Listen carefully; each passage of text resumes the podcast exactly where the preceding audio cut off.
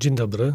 Słuchają Państwo podcastu Obserwatora Finansowego, portalu, z którego mogą się Państwo dowiedzieć więcej o kierunkach i trendach rozwoju gospodarki i myśli ekonomicznej w Polsce i na świecie.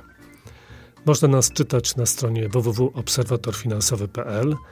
Ja nazywam się Maciej Danielewicz, jestem redaktorem naczelnym portalu, a rozmawiam dziś z panem Wojciechem Mroczkiem, ekspertem Departamentu Statystyki Narodowego Banku Polskiego. Dzień dobry. Dzień dobry. Specjalizuje się Pan w analizie handlu zagranicznego Polski. Y, w tej chwili, na początku 2020 roku, można już podsumować to, co się y, działo w 2019 roku. Ten 2019 rok był naznaczony pewnymi obawami, y, na przykład związanymi z Brexitem, czyli wyjściem Wielkiej Brytanii z Unii Europejskiej, również znaczenie dla wymiany handlowej Polski mogło mieć spowolnienie w Niemczech, wojna handlowa y, między Stanami Zjednoczonymi a Chinami. Czy te obawy one są widoczne w statystyce handlu zagranicznego za poprzedni rok? Jak, y, jak ten rok można podsumować? E, wszystkie te obawy, można powiedzieć, zmaterializowały się w obrotach handlu zagranicznego, przynajmniej w tych obrotach towarowych. Mieliśmy co prawda relatywnie niewielkie obniżenie się dynamiki e, eksportu ogółem, natomiast e, do tych najważniejszych rynków e, eksport rozwijał się już znacznie wolniej niż, niż w latach poprzednich. Duży wpływ na to właśnie miała sytuacja w gospodarce niemieckiej, a także Brexit i spowolnienie eksportu do Wielkiej Brytanii. I jaka skala tego spowolnienia? E, w skali całego roku jeszcze zarówno w przypadku Niemiec, jak i w przypadku Wielkiej Brytanii nastąpił wzrost eksportu, ale już w czwartym kwartale e, dynamiki na oba kluczowe rynki dla polskich eksporterów były ujemne. Nastąpiła kompensacja na innych rynkach tego osłabienia? Czy tutaj można powiedzieć, że trudno jest polskiej gospodarce skompensować tych stałych partnerów handlowych? No dokładnie tak. Przychylałbym się właśnie do tej opinii, co widać generalnie jednak na dynamice ogółem za cały rok, która jest niższa niż w latach poprzednich. Może nie była rzeczywiście ona jakoś znacząco niższa i to był efekt e, relatywnie e, mniejszego spowolnienia eksportu do pozostałych krajów Unii Europejskiej e, względnie wysokiej dynamiki do krajów e, wschodnich e, dawnego Związku Radzieckiego i gospodarek pozaeuropejskich, e, głównie azjatyckich. A jakie grupy towarów były wyjątkowo, powiedzmy, trudne dla polskich eksporterów w ubiegłym roku? Spodziewano się przede wszystkim, że Największe kłopoty będzie miał polski eksport e, części, części motoryzacyjnych przede wszystkim, głównie ze względu na sytuację sektora motoryzacyjnego w Niemczech. E, jednak tak e, nie do końca to się, nie do końca tak się stało. Patrząc na statystyki za, za cały rok, widać, że bardziej obniżyła się dynamika eksportu żywności czy dóbr konsumpcyjnych, w tym zwłaszcza dóbr konsumpcyjnych trwałego użytku. Czyli y, polski eksport y, części samochodowych jakoś się utrzymał, tak? Czy to są te tradycyjne y, części wykorzystywane w przemyśle motoryzacyjnym, czy wpływ na te wymiany miały jakieś y, komponenty do y, nowych, y, powiedzmy, aut o napędzie alternatywnym, samochodów elektrycznych? Wydaje się, że polskim eksporterom tego sektora e, motoryzacyjnego e, bardzo pomógł ten e, zwrot w kierunku tak zwanej e-mobilności. Jak o ile produkcja aut w Niemczech e, wyraźnie obniżyła się również w 2019 roku, to jednak popyt na samochody e, był wyższy w tym kraju niż w latach poprzednich. Tutaj pewnie e, w dużym stopniu był to wpływ dopłat do samochodów, czy elektrycznych, czy hybrydowych na tym rynku. Dzięki temu, że Niemcy znacznie zwiększyli zakupy aut właśnie z napędem alternatywnym, spowodowało, głównie importowane auta, spowodowało to popyt w innych krajach europejskich na polskie części samochodowe. A czy na eksport y, z Polski miał wpływ, y, powiedzmy, y, taka wzmocniona rola Polski jako centrum logistycznego. To znaczy mamy rzeczywiście większy import z krajów spoza Unii Europejskiej. Czy on miał wpływ właśnie na ten y, zwiększony, jakąś zwiększoną dynamikę eksportu do Unii Europejskiej? E, ta forma handlu, ona e, prawdopodobnie jest stosunkowo nowa w polskich warunkach, natomiast rzeczywiście rozwija się dosyć szybko. Przykładami tu są odzież, obuwie, niektóre wyroby elektroniczne i tutaj rzeczywiście te wzrosty także były wyższe niż, niż średnio całego eksportu. Udział tych branż w polskim eksporcie e, ponownie znacząco się zwiększył. Czyli jaki to jest mechanizm, że mm, Polska kupuje towary z krajów spoza Unii Europejskiej. Tymi krajami y, to są na przykład Chiny, tak? To, jest to są na przykład Chiny, Korea, E, w mniejszym stopniu pozostałe kraje azjatyckie. Jeśli chodzi o odzież, to także Bangladesz. Te towary są sprowadzane do Polski. One tutaj trafiają na rynek Unii Europejskiej. Trafiają do centrów logistycznych, do magazynów. Są tu pewnie przepakowywane. I następnie już w mniejszych partiach rozwożone do krajów E, sąsiednich, przede wszystkim do Niemiec, e, też do innych krajów Europy Środkowej i Wschodniej, jeśli chodzi o taki sztandarowy przykład, czyli konsole do gier wideo, także do Wielkiej Brytanii, chociaż tutaj też nastąpiła pewna zmiana, bo w czwartym kwartale już chyba polscy importerzy nie sprowadzali e, konsol przeznaczonych na rynek brytyjski. I ten mechanizm to jest y, istotna część jakby tego, y, tej dynamiki eksportu, tej e, pozytywnej dynamiki eksportu? Na pewno tak. Znaczy trudno oszacować całą skalę zjawiska, bo trudno to wyodrębnić z całości handlu. Natomiast przynajmniej rozwój handlu internetowego jest bardzo szybki, a to właśnie sprzyja takiej formie e, transakcji zagranicznych kierunki importu są zasadniczo inne, tak? Już tutaj wspominaliśmy na przykład Chiny. E, struktura geograficzna importu zmieniła się w ubiegłym roku nawet bardziej niż struktura eksportu.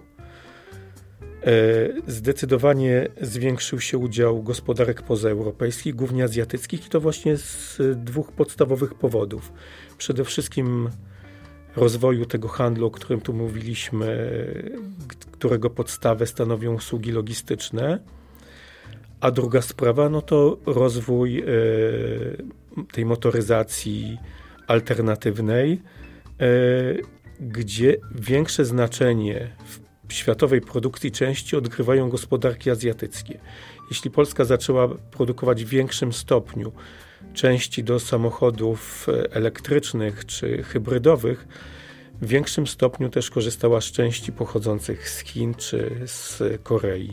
Natomiast y, ten import właśnie z tych gospodarek azjatyckich e, zastępował import tradycyjnych części, e, zwłaszcza z Niemiec czy Włoch. Tutaj mieliśmy w obu chyba tych przypadkach spadki importu. Czy poza krajami y, Unii Europejskiej są jakieś rynki, na których rośnie dynamika eksportu? Na przykład, czy Rosja może być takim krajem, o którym można mówić, że tam sytuacja eksportu się polepsza? Ogólnie można powiedzieć, że tak, chociaż pewnie przyszłość e, relacji handlowych między Polską a Rosją też w dużej mierze jest uwarunkowana polityką. E, w 2019 roku rzeczywiście obserwowaliśmy duży wzrost, stosunkowo duży wzrost eksportu na rynek rosyjski. Stopniowo więc odbudowuje się wartość eksportu sprzed, sprzed embarga nałożonego przez władze rosyjskie na Polskę i inne kraje Unii Europejskiej. Natomiast jeszcze nie osiągnęliśmy takiego poziomu jak w 2013 roku. Jednak znacząco zmieniła się struktura tego eksportu.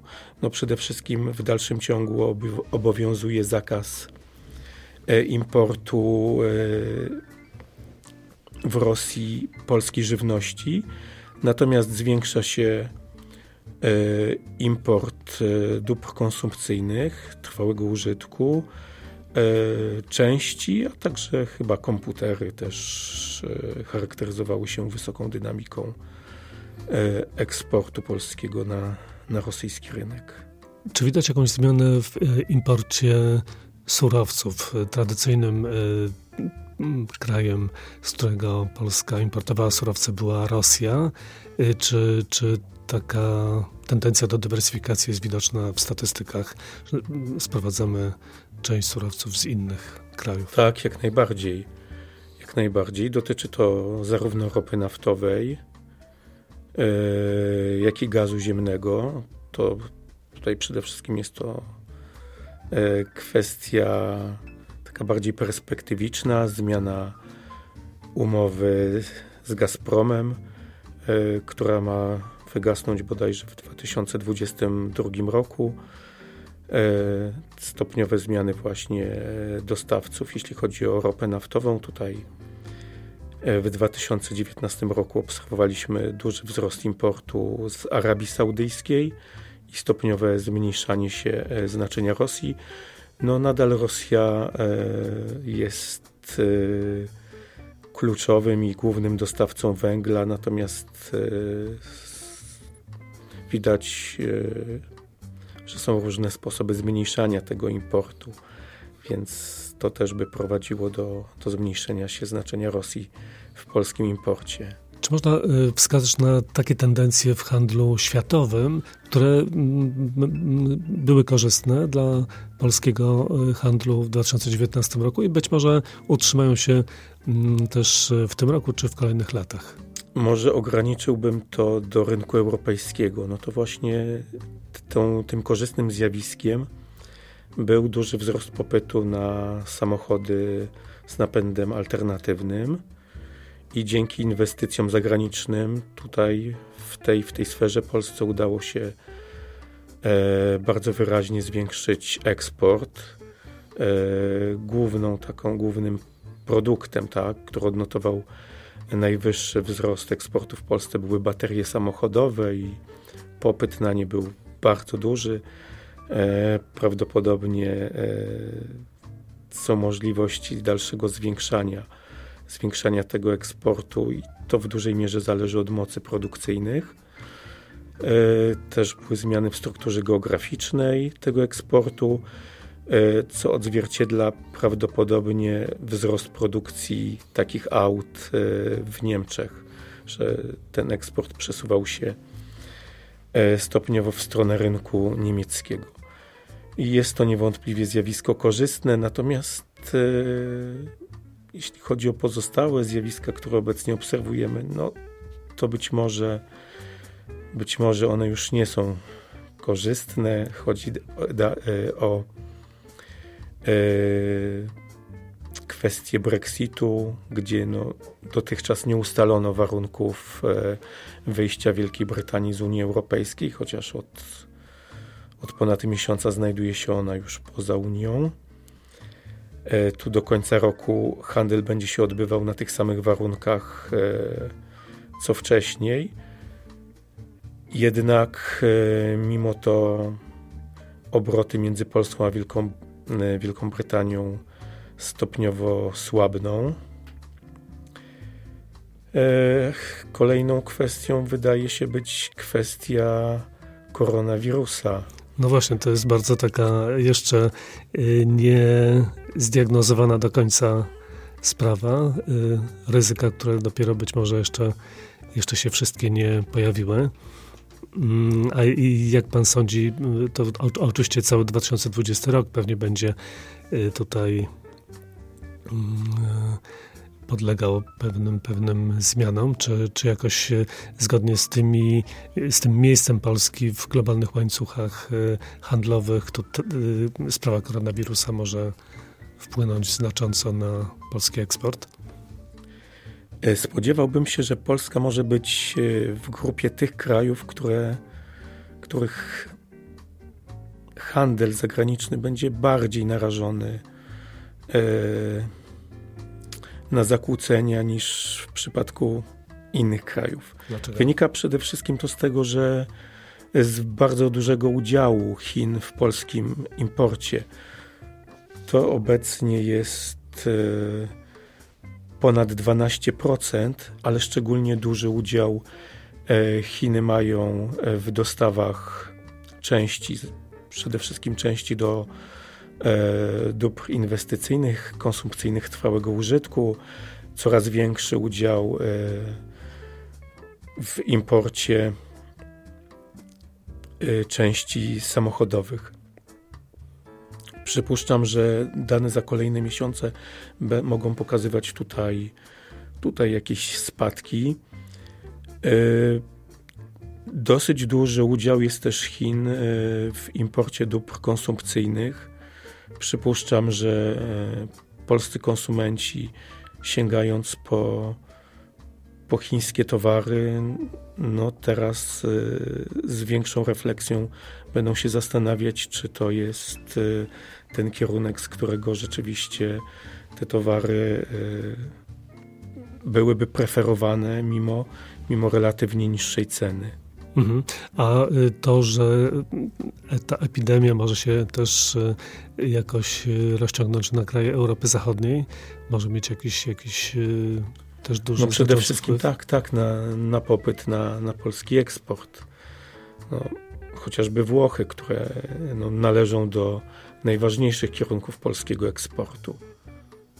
Czyli w obliczu koronawirusa jakby bledną te dotychczasowe obawy o y, na przykład wojnę celną między Stanami a Chinami, tak? To, to schodzi jakby na plan dalszy. Ta wojna no, jakichś bezpośrednich skutków dla polskiego eksportu nie miała i jeśli nawet skutki pośrednie jakieś były, to też nie były one E, znaczące.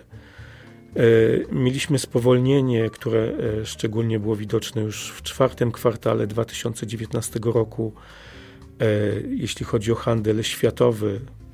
Nastąpiły spadki obrotów towarowych i można się spodziewać, że epidemia spowoduje pogłębienie się tej negatywnej tendencji, czy w globalnym handlu, czy, czy w polskim. Czyli trzeba obserwować, co się będzie działo. Na pewno to będzie ciekawy rok z różnych powodów. Tym bardziej, że pewne ryzyka mają to do siebie, że na przykład pojawiają się w sposób nieoczekiwany, tak jak w przypadku tej epidemii mm, choroby. Obserwujmy w takim razie to, co się będzie działo. Na razie mamy nadwyżkę w handlu zagranicznym, ale spowolnienie jakieś i globalne Y, i w mm, krajach Europy, wśród naszych głównych partnerów, na pewno y, będzie miało duże znaczenie. Dziękuję bardzo za rozmowę. Dziękuję bardzo. Gościem podcastu Obserwatora Finansowego był pan Wojciech Mroczek, ekspert Narodowego Banku Polskiego. Dziękuję.